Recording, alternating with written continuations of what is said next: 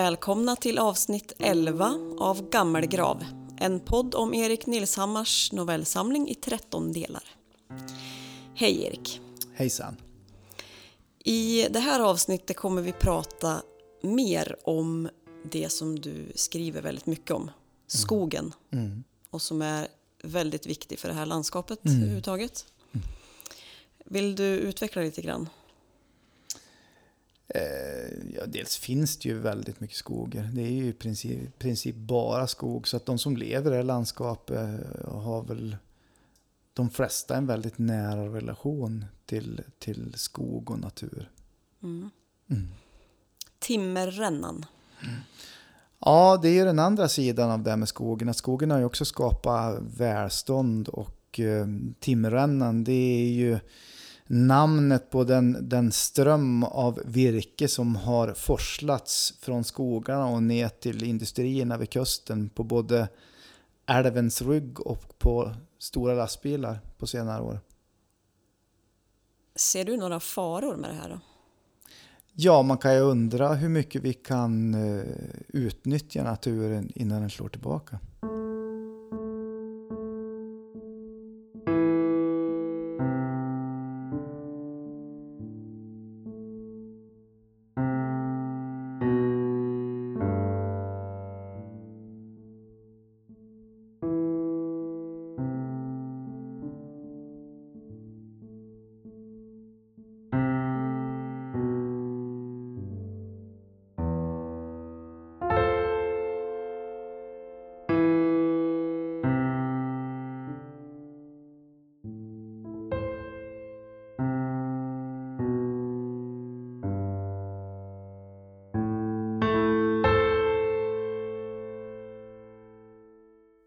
Timmerrännan. Skogsbilvägen löpte i en brant vänsterkurva upp från Sillra innan den planade ut uppe på krönet. Den snö som fallit hade delvis smält och blivit packad till ett förrädiskt islager. Vägen var smal. Det var knappt att två personbilar kunde mötas, än mindre två timmerbilar, även om två vana chaufförer klarade det. Men mötte man en osäker bilist var man ofta tvungen att stanna eller ta diket. Sånt hände ju. Den största skräcken var att frontalkrocka. Lastbilschauffören satt säker, men föraren i en personbil hade små chanser att överleva en kollision med en fullastad timmerbil. Det var bortåt 60 ton i rörelse. Det blev inte mycket kvar av det som kom i vägen. Men nu var den ensliga skogsbilvägen sparsamt trafikerad så han gasade på för att få med sig så mycket fart som möjligt upp mot krönet. Runt omkring honom bredde skogar och hyggen ut sig. Det här var verkligen hjärtat av barrskogbältet och hade så varit under lång tid. Många miljontals kubikmeter virke hade transporterats från dessa trakter under åren. Ner från bergen, ut på riksvägen och vidare mot sågverken och massafabrikerna ute vid kusten. Lass efter lass, som en gigantisk rullande timmerränna. Han var på väg upp mot Käppran där det gjorts en storavverkning. Den hade pågått hela hösten och det var dags att köra ut virket. Det var gammal och grov skog. Riktig trollskog hade maskinföraren sagt när de träffades. Men det hade krånglat något djävulskt. Mycket reparationer och ståtid. De hade börjat misstänka sabotage. Maskinföraren hade harklat sig och petat lite med skon i gruset precis som om det varit något mer. Till slut hade han klämt ur sig att det känts som om det var någonting som jävlades med dem där uppe. Hur då? Ja, som om de inte ville ha oss där. Vilka då? Maskinföraren hade skruvat lite på sig och sett bekymrad ut. Jag såg en naken kvinna stå bredvid en stor rotvälta. Först hade han trott att maskinföraren skojat men sedan förstått att han var gravallvarlig. Hon stod där, blickstilla, kritvit i ansiktet och stirrade på mig. Det grannaste fruntimmer du kan tänka dig. Ändå blev jag stel av fasa. Och när hon började stampa med klövarna stannade skogsmaskinen. Äh, skärp dig, hade han sagt och skrattat. Det måste du ha inbillat dig.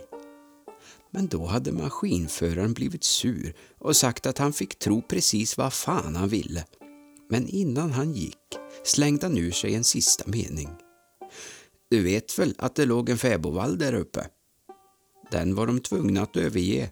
Kossorna blev slagna av björnen och pigan dränkte sig i storkällan. De flyttade hela vallen, stugor och allt. Den var byggd på en vitteväg, sades det.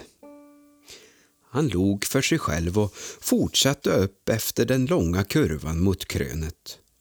Han hade då inte märkt någonting speciellt. Det blev inget möte den här gången heller. Han andades ut. Det var bara att stå på. Men så uppfattade han något vid sidan av vägen. Precis där backen planat ut var det något som fladdrade förbi i ögonvrån. Det hade nästan sett ut som om det stod någon bland granarna invid dikeskanten. Han kastade en hastig blick i backspegeln men såg ingenting annat än träd. Inbildning. Eller hade det varit ett djur? Men så ljust i färgen. Och så hade det stått upprätt, precis som en människa. Han funderade på det som maskinföraren berättat innan han raskt slog bort tanken och gasade på. Det hade börjat skymma. Han hade bara ett lass kvar att hämta på käppran. Sedan skulle Halva komma med den andra bilen och ta det sista. Han svängde runt det långa ekipaget på vändplanen och ställde sig mitt för timmervältan.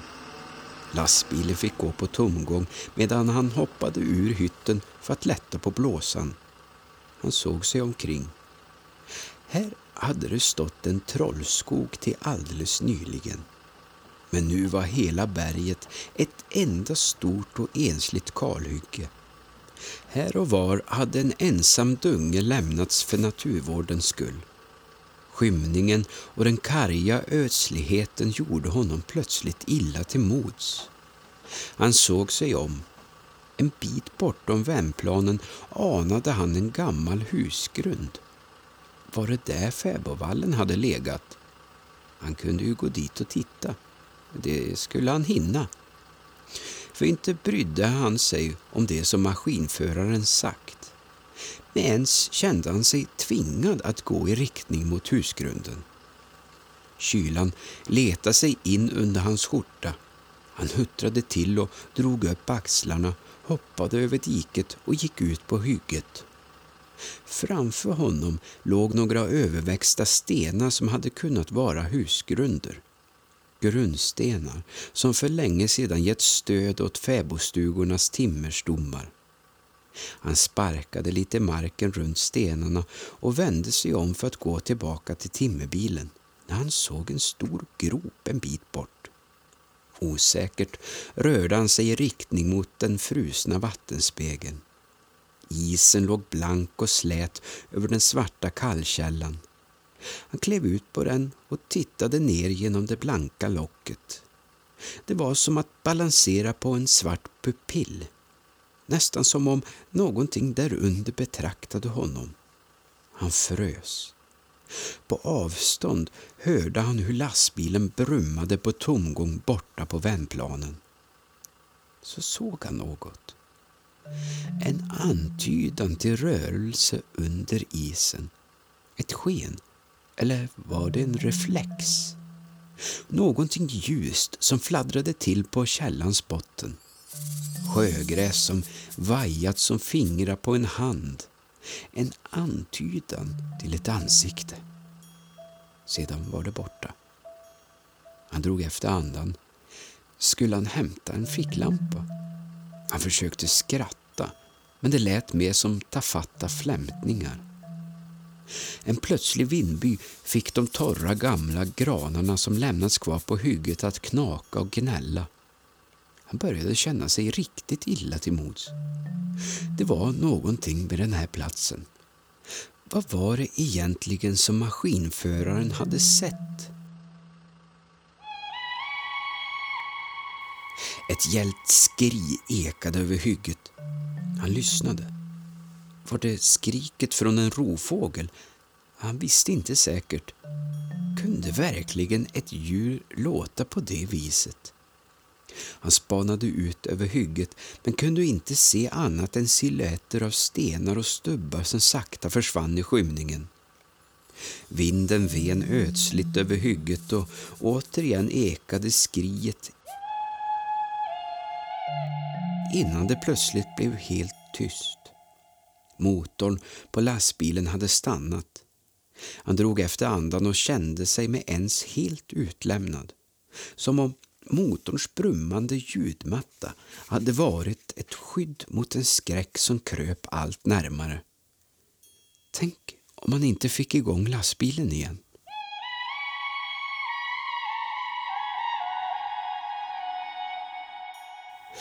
Så hördes åter skriet eka över käppran.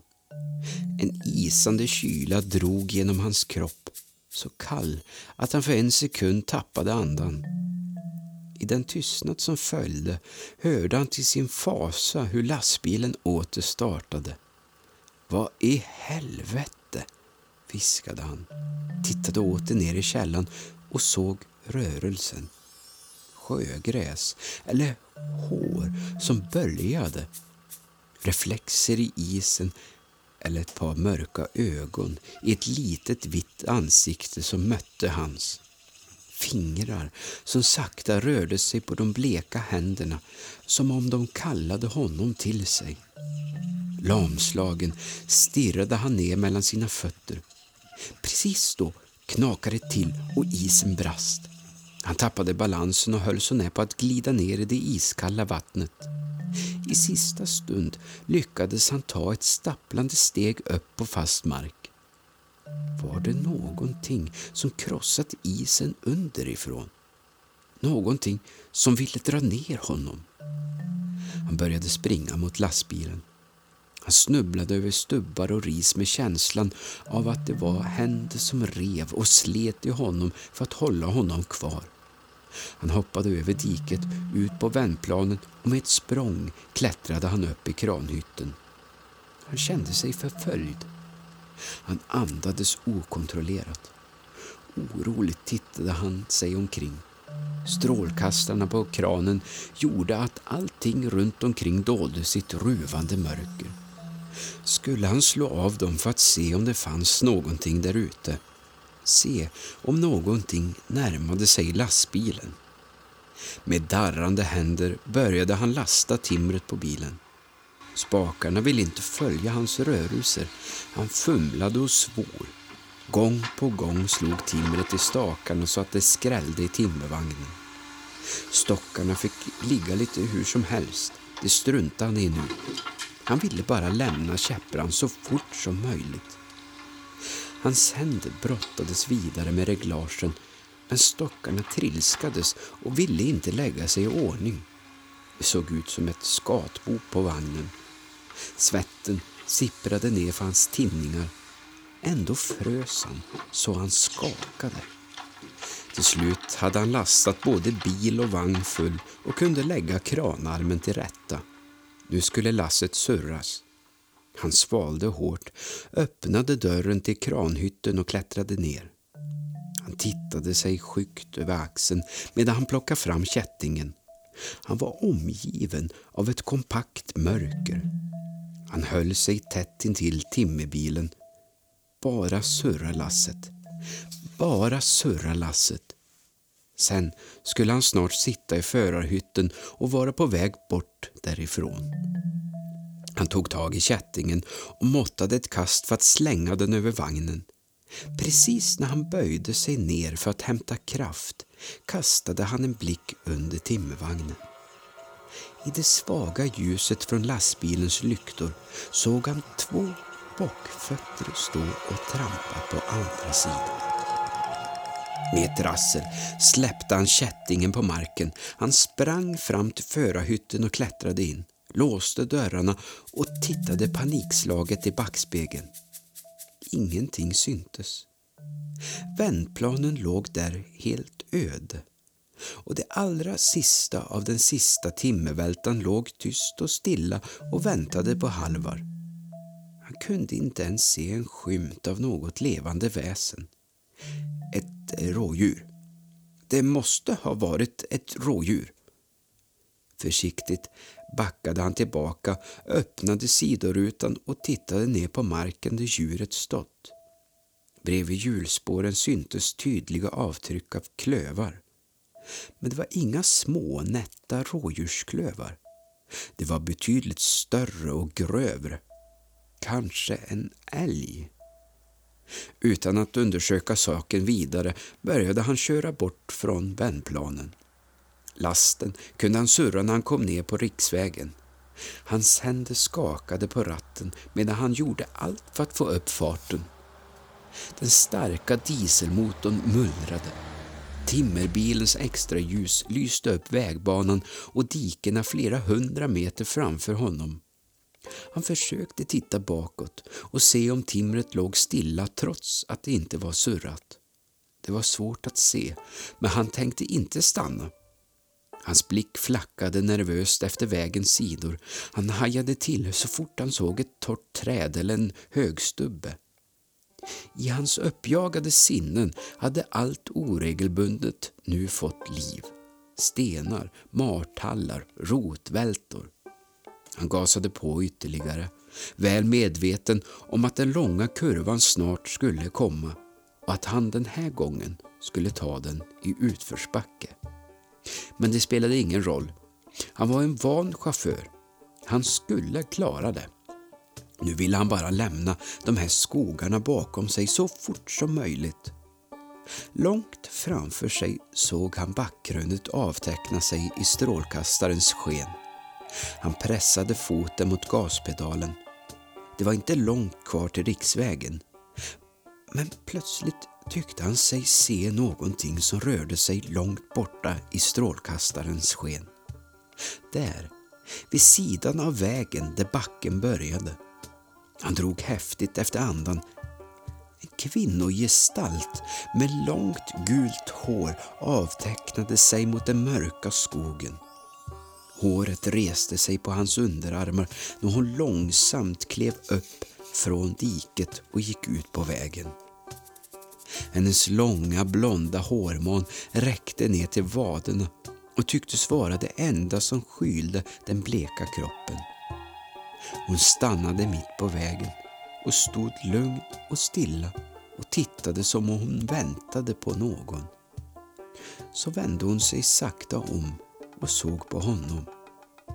Med stigande fasa uppfattade han allt mer av varelsens anletsdrag.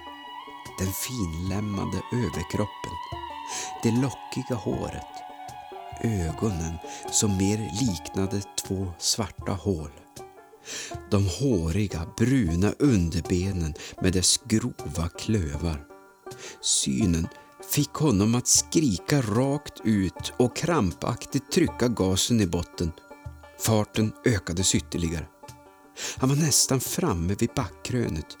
Ljuskäglan från lastbilen tycktes försvinna in i varelsen som nu verkade stråla av ett eget allt starkare sken. Den roterade lätt på överkroppen, skrapade med klövarna i marken och de svarta ögonhålorna såg rakt in i hans. Det kändes som om den var på väg att svälja både honom och lastbilen. Farten ökade. Varelsen badade i ett ljus så starkt att det bländade. Varför stod den kvar? Panikslagen slängde han sig på signalhornet och lät det råma ut över vildmarken. Lastbilen kastade sig i vansinnesfart över krönet men varelsen stod lugnt kvar. Precis när kollisionen var ett faktum vände den sig hastigt bort men där han väntat sig att se en vit ryggtavla avteckna sig mot vägen såg han istället en ihålig trästam, så svart av sot och kära att den mest liknade ett vanskött sår. I nästa ögonblick var den borta.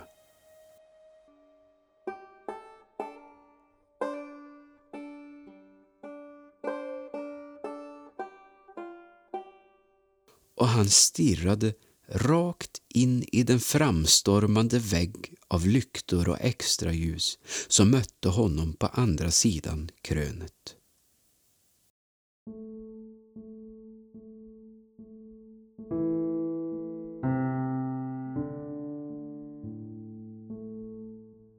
Du har lyssnat till podden Gammelgrav, producerad av Erik Toresson. Novellerna är inlästa av Magnus Johansson och jag heter Malin Lindgren. Tack för att du lyssnat!